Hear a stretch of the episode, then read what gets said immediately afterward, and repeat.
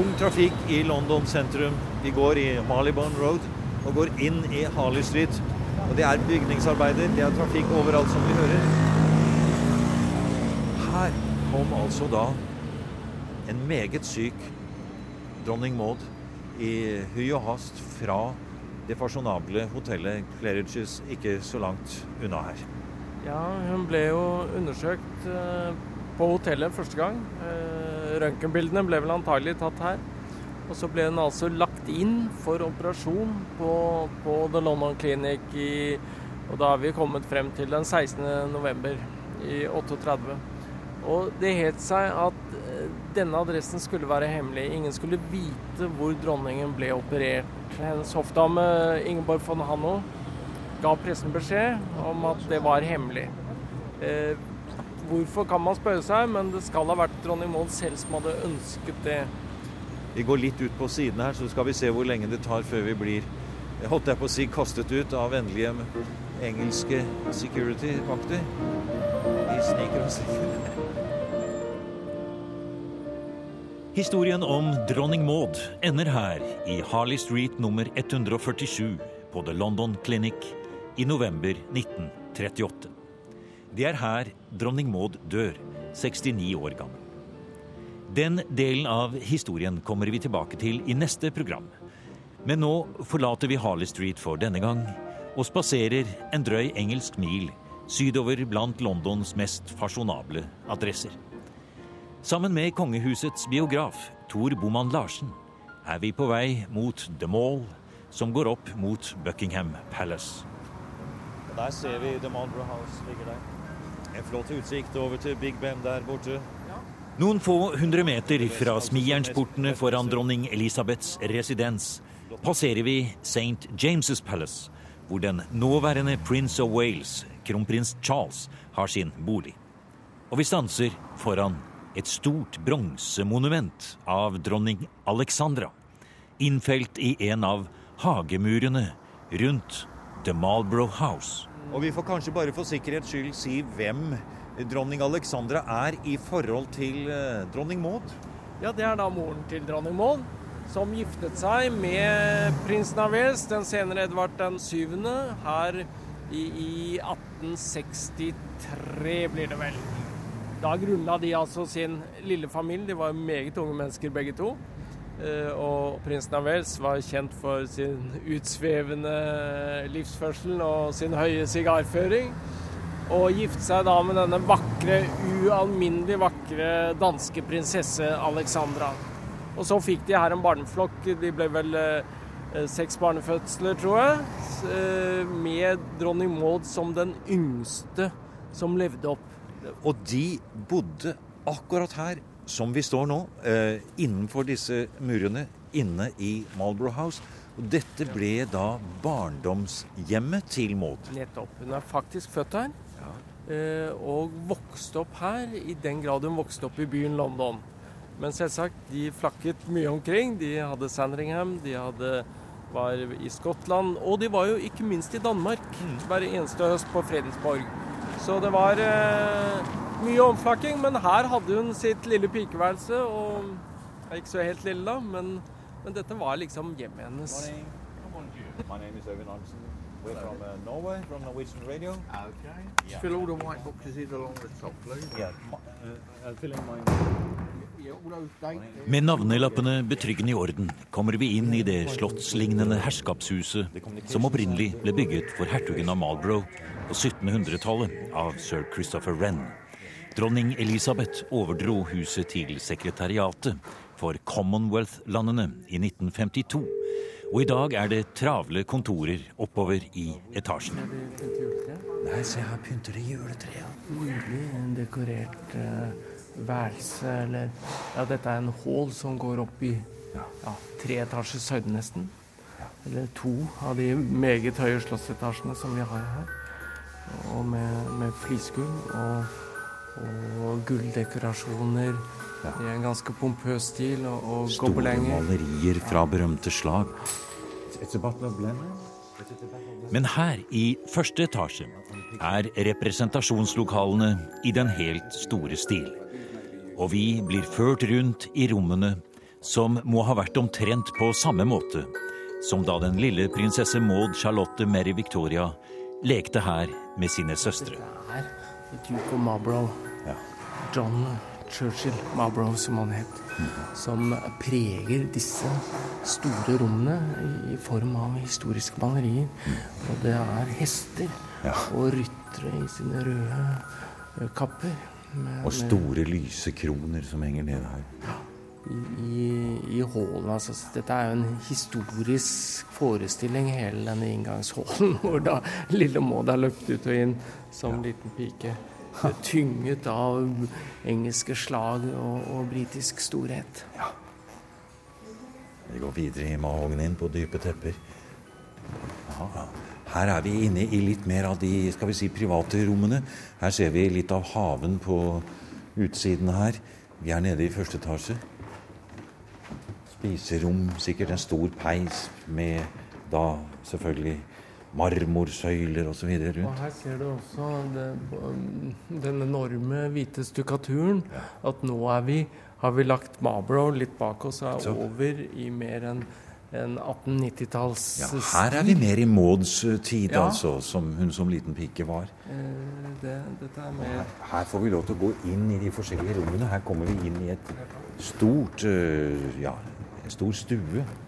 Spiserom. Dette har vært en spisehall. Her har vi jo også kongelige bilder nettopp av Dorsen se her. 5. Ja, Vi setter oss ned ved de store franske dørene ut mot den velfriserte haven foran Marlborough House og forsøker å tenke oss hvordan det kunne ha vært å vokse opp for prinsesse Maud i dette huset.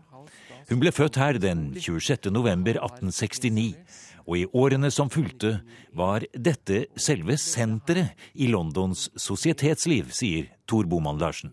Ja, du vet, eh, det var jo i dronning Victorias tid, og hun levde jo utenfor London, helst i Skottland, på Balmoral, og var tilbaketrukket. Og da lå London igjen for hennes sønn, prinsen av Wales, som jo var en selskapsmann av ypperste merke, den senere Edvard den 7. Så dette var et, et muntert eh, midtpunkt i en ekspansiv tid. Og her hadde de da også en barneflokk som, eh, som eh, skapte liv i huset, må vi tro. Tre, tre døtre og, og to sønner som vokste opp. Så dette var hjemmet hennes, og her så sent som da hennes bror, senere George 5., giftet seg jo her i, i kapellet. Og da kom også den russiske tronfølger, senere Nikolai 2., og bodde her i huset, vegg i vegg med prinsesse Maud.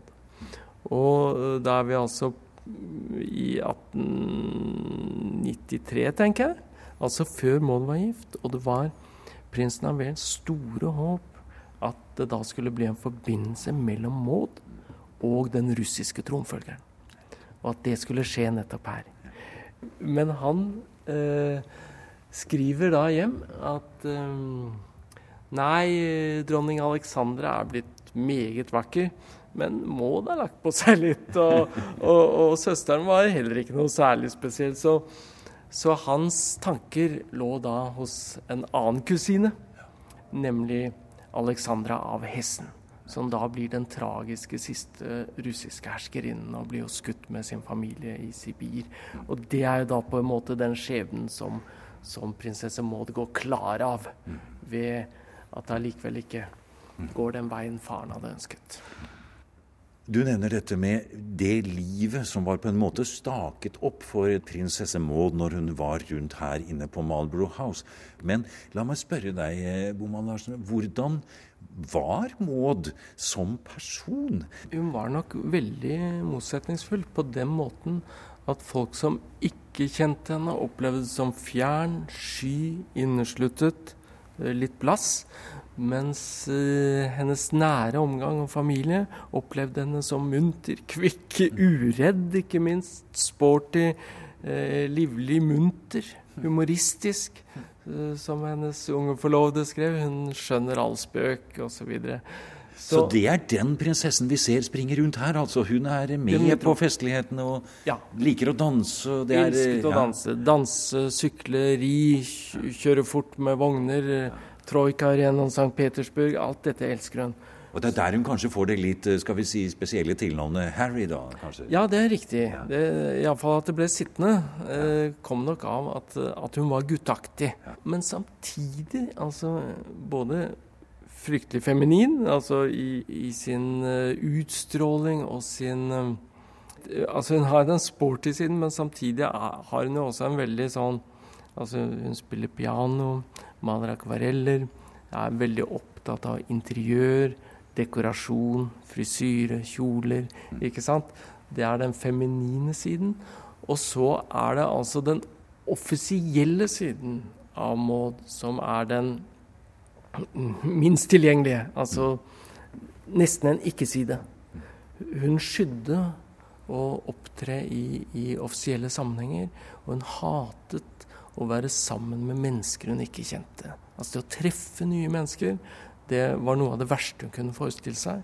Og hun var jo ikke i stand til f.eks. å innlede en samtale, noe som kunne bli veldig vanskelig når du er prinsesse, og ikke minst når du er dronning. Fordi da, da skal ingen innlede en samtale med deg. Og sånn sett så ble det taushet, taushet og taushet.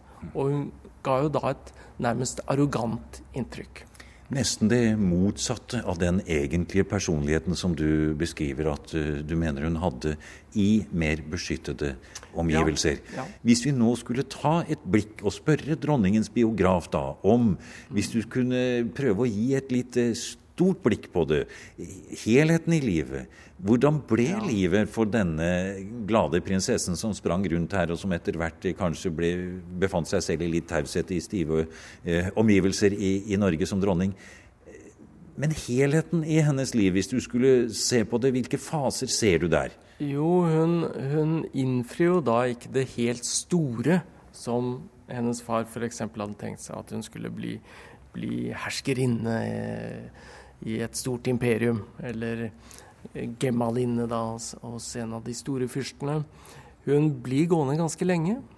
Hun blir også litt sykelig. Eh, tidlig begynner hun med sine kurer, og, og det hørte også overklassen til.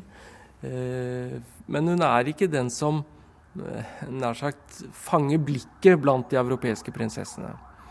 Så hun blir gift forholdsvis sent, da med en Eh, annenklasses dansk prins. Og det er jo et stort sprang for denne danske prins Carl eh, opp i det britiske imperium. For henne er det nærmest et skritt tilbake. Ja, han gifter seg oppover. Ja, det, det er riktig. Han posisjonerer seg ja. ved å erobre Englands datter. Ja. Mens hun får en prins som formodentlig aldri skal bli konge, men som tar seg godt ut og er en hyggelig kar. Og dertil hennes fetter. Og så etablerer de altså denne spaltetilværelsen dels på Appleton i England, dels i Bredgade i København. Og det er ikke noen tvil om hvor de liker seg. Det er i England. Både pga. det engelske landlivet, men også pga. den engelske svigerfamilien som de knytter seg til. Også Charles, altså eh, prins Carl. Og, og, da er det vel sånn at den senere kong Haakon, prins Carl her nå, da, eh, kommer inn her, presenterer seg da her og eh, mm. blir en del av denne familien. Han begynner vel nesten å se på seg selv da som eh, det kanskje kunne være greit å bli en del av det britiske aristokratiet. Han ser på det kanskje som en ganske bra fremtidsutsikt? Nettopp. altså De ønsker ganske snart å etablere seg primært i England, sekundært i Danmark. Mm. Og, og, prins Carl styrer jo også mot å bli offiser i den britiske marine. Mm. Og det skal jo bli det springende punkt, for der får han nei av sin mor. Kronprinsessen av, av Danmark, som jo var meget bestemt. Og, og, og det den danske kongefamilien var redd for, var jo at, at de på en måte skulle bli fremmede for sitt folk og at folket skulle bli fremmede for dem. Derfor så måtte de leve i Danmark og med danskene. Og dette var jo et evig stridstema gjennom ti år, frem til det altså dukker opp en ny nasjon i horisonten, som da blir et slags kompromiss eller utvei, en utgang av det hele. Og historien om 1905 og måten det nye kongehuset tilpasser seg den norske politiske virkeligheten, slik Tor Boman Larsen har skildret så inngående i sine bøker, lar vi ligge for denne gangen. I dette programmet er det dronning Mauds England vi er på jakt etter. Og da må vi ut av London. Her er faktisk Vi står i oppkjørselen. Og, og den Vi må finne Mauds dronningrike. Vi ser jo det går et veifar her. Og det ligger en drøye 20 norske mil nordover fra London. I Norfolk, ute ved Nordsjøkysten, nordvest for Norwich. I det vakre landskapet hvor den engelske kongefamilien den dag i dag har sitt private tilfluktssted på Sandringham Estate. Her går vi på en uh, lerete, oppkjørt traktorvei på den engelske landsbygda. Det går uh, kuer og beiter rundt oss her. Nå står vi foran en helt åpen plass, og her lå hovedbygningen på Appleton. Som var en langstrakt uh, murbygning. Uh, med, med, da en del for herskapet og en ganske stor tjenerfløy bakover hit. Og her er det villnis, og du er satt fast med noe Det er rosene til Maud, ja. Som du får på buksene dine nå. Ja. Akkurat her, på denne avlange, flate plassen her, lå Appleton House. Nettopp. Og, og, det fascinerende er jo at huset er borte. Det er altså tomrom. Men rundt så står jo disse høye, flotte trærne, som er en del av parkanlegget til dronning Maud. Her hadde de først vinterhavet mot, nettopp mot kirkeruinen der. Og Senere ble det bygget om til en, et kanapp med store vinduer. Så de så mot dette Appleton Church, som er en gammel, gammel kirkeruin, som på en måte gir dette området karakter. Det er den ruinen. Og så bak oss i motsatt retning, nå ser vi det ikke i øyeblikket, for det ligger bak det disse høye trærne, så, så rager da vanntårnet opp. Og disse to silhuettene, vanntårnet i én retning, kirkeruinen i den andre, ser man på de hundrevis av fotografier som ble tatt uh, den gangen Maud huserte her. Så ser man det i bakgrunnen. Og selvsagt da også huset, som, som nå er borte. Det er helt utrolig rart å gå og se her nå, og vi vet hvor viktig dette huset var for den lille norske kongefamilien Maud og Håkon, og ikke minst også Olav. Ikke minst. Ja, Fordi og, ja. Norges eh, senere konge, eh, Olav den 5., ble jo født her. Ja, tenk på det.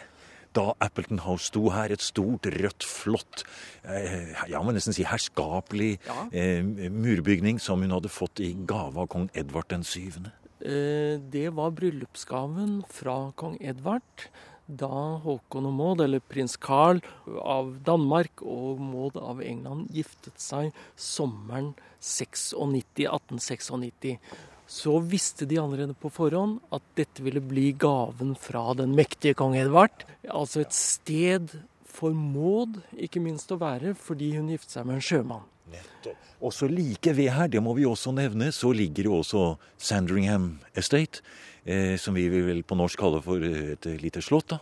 Hvor eh, den øvrige kongefamilien i England eh, holdt til noen ganger. Ja, så dette er jo det landskapet eh, prinsesse Maud vokste opp i når de ikke var i, i London. Eh, så, så lå hele kronprinsfamilien, får vi si da, altså familien Wales, ja. lå jo her ute på, i Norfolk. Eh, Og, så dette var det landskapet hun var kjent med, både fra sommertid og ikke minst vinter og høst og vår. Så var, var dette familiens yndlingsområde. Og hun var sterkt knyttet til, til Sandringham-området, både gjennom ridning, sport, eh, selskapelighet. Altså dette var et paradis for kongefamilien fordi det også var så privat. Og eh, hva tror du prins Carl senere, Håkon, hvordan hadde han det når han kom hit som svigersønn til, til den mektige kongen da, og gift med Maud? Jeg vet han hadde et bestemt uttrykk han eh, refererte til nærmest som den gangen han var eh, lykkelig og ikke Ja, var ja. kongen. Altså, han skriver jo i et brev også det er som å leve i en roman. og, og det var Her hadde jo sine Han se, sa senere, som gammel mann, at de hadde sin lykkeligste tid her. Hør fasanen. Det er fasaner. Har du børsa? Eh, Det er ikke så veldig høyt vi står, men vi står litt opp Ja. i en skråning. Eller det ligger på en, skal vi si, en, en, en liten høyde, Appleton. Eh, ikke veldig høyt, men, men sånn at vi har utsikt. Og det blikket her, det kan du finne igjen i dronning Mauds album. Eh, på, på, på Slottet så ser du her har de tatt bildene, og, det er nydelig og, og idyllisk med store eketrær og jordene bakover. Et og annet lite murhus. Nettopp høsten var Appleton-tid. Og de første årene, ja for så vidt hele tiden i Norge, så reiste hun på høsten til, til Appleton og England. Da kom hun over kanskje slutten av september, tidlig oktober og var her til, eh, til juletider. Eh, Feiret alltid sin fødselsdag den 26. november her på Appleton og Sandringham. Her, her har vi kommet inn i en lysning på en måte i skogen, og vi er nå like rundt havene på Appleton her. Det var store havanlegg her med, med som, som nevnt fontener og, og den slags, og alleer og, og prydbusker. Men nå- det var også en, en fjellhave som strakk seg oppover her, altså mer med, med stauder og den slags ting, som var uh, veldig kunstferdig anlagt. Og se, her kommer Midt inni en skog så er det som en stor rhododendron og sånn, Ja, ja, som står her. Så det jo Det fascinerende er jo at på, på en måte er Appleton helt intakt som, som viltvoksende hage Ja. eh, rundt der huset en gang lå. Det er- Så det er ikke noe inngrep i selve eiendommen. Det er faktisk litt eh, høytidelig å gå rundt her og se haven til dronning Maud. Og se her, midt inni her, se her. Her, er det en, en luke. En, eh, og her, dette må være Det er til noe vanning. Det er vanskelig å få det opp her nå, men det, er en Eh, En jern- jernluke. Å, se der er fundament! eh, Her ligger det Her ser vi midt inni. Sten på sten. ja, se her, ja. Så her er Så her er, har, det, har det vært en eh, Her har vi en, hav, en grusgang, kanskje. Ja, og så er det bygd opp da, lagt opp stener her til et fundament. Så der har det vært en, en lysthave eller noe, et lysthus eller noe annet. Og med da et eh, springvann sikkert med vann... eh, som ligger her ennå.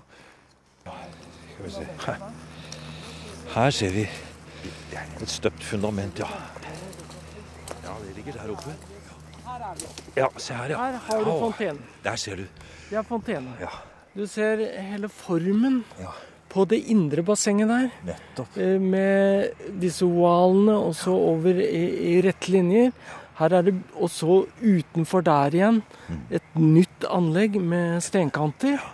Så dette er selve sentrum i haven. Eh, Hvor også skulpturen sto i midten. Dette er jo nå Her står det jo kjempetrær. Det er Vokst opp i bjerker og andre ting rett opp. Ja. Ja. Men her har du hele fasongen intakt. ja, nettopp. Skal vi ta en dukkert, holdt jeg på? Ja. Skal vi gå opp? Vi går bort og ser litt nærmere etter. Har vi en liten trapp ned? Å å ja, se her, ja. Og her har vi dammen her. Her har vi dammen etter mot Utrolig, altså. Nærmere kommer vi ikke. Eh, Så her er vi på den helt fredede plett. Eh, Her eh, kommer ikke engang hestene, ikke sant? For de gikk jo ikke på plenene. Men en og annen bitte liten hund løp nok rundt her. Eh, Og, og dronning Maud hadde jo også en del barn her på besøk, som fra Hun hadde jo kontakt med forskjellige familier og eh, i det britiske aristokrati, så vi ser ofte barn på bildene, til og med med små ponnier. Eh, Men stort sett var jo dette til pryd og stas. Altså Det var en fryd for øyet. Inne hang nydelige akvareller, gjerne blomstermotiver, eh, romantiske landskaper, et og annet portrett eh, og familiebilde. Og ute var det like skjønt og vakkert. Ikke en stygg gjenstand å se, som eh, dronning Maud fremhevet. Og, og ikke minst eh, da hun var ung og nygift. Og, og tenk at jeg skulle bli gift om en så vakker mann. Ja. Skjønnheten var var eh, var eh, et must, altså. Det uskjønne, det vulgære, det nær sagt alminnelige også. Det som Det skulle ha det Det skulle være en stil.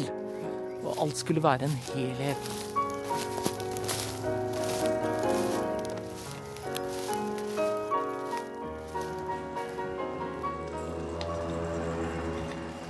Du har hørt en podkast fra NRK P2.